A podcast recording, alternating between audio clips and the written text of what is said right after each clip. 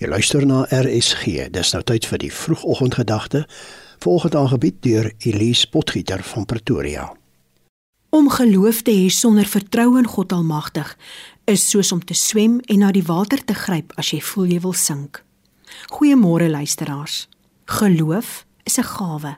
Dis 'n bonatuurlike manifestasie van die Heilige Gees wat deur die gelowige beweeg.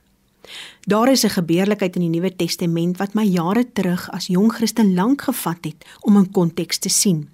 Tog glo ek dit was 'n goed deurdinkte besluit van Jesus gewees om vir ons te wys hoeveel krag daar in ons geloof in hom behoort te wees. Matteus 21 lees.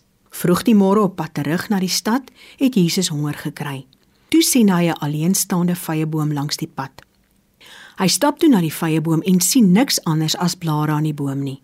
Jesus sê toe vir die boom: "Jy sal in der ewigheid nooit weer vrugte dra nie." En die vyeboom het dadelik verdroog. Die disippels was verbaas en het gevra waarom die vyeboom so skielik verdroog het.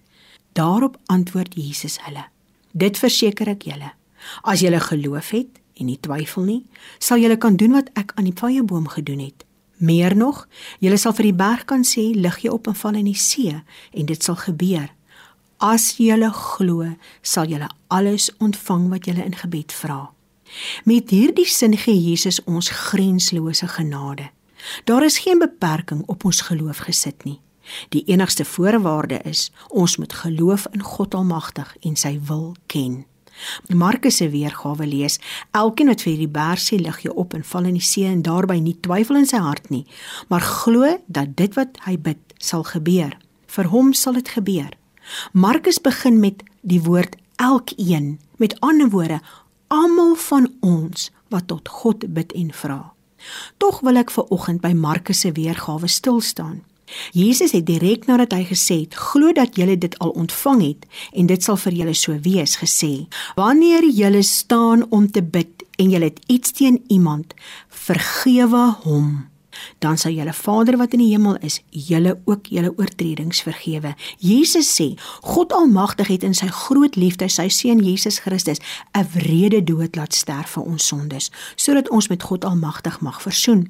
Self vergeet ons, sukkel ons en is ons nalatig om ons medemens te vergewe en daarom sê Jesus: Terwyl julle dan nou in God ons Vader se teenwoordigheid kom en wil vra wat julle wil vra, vra dan ook vergifnis vir julle sondes.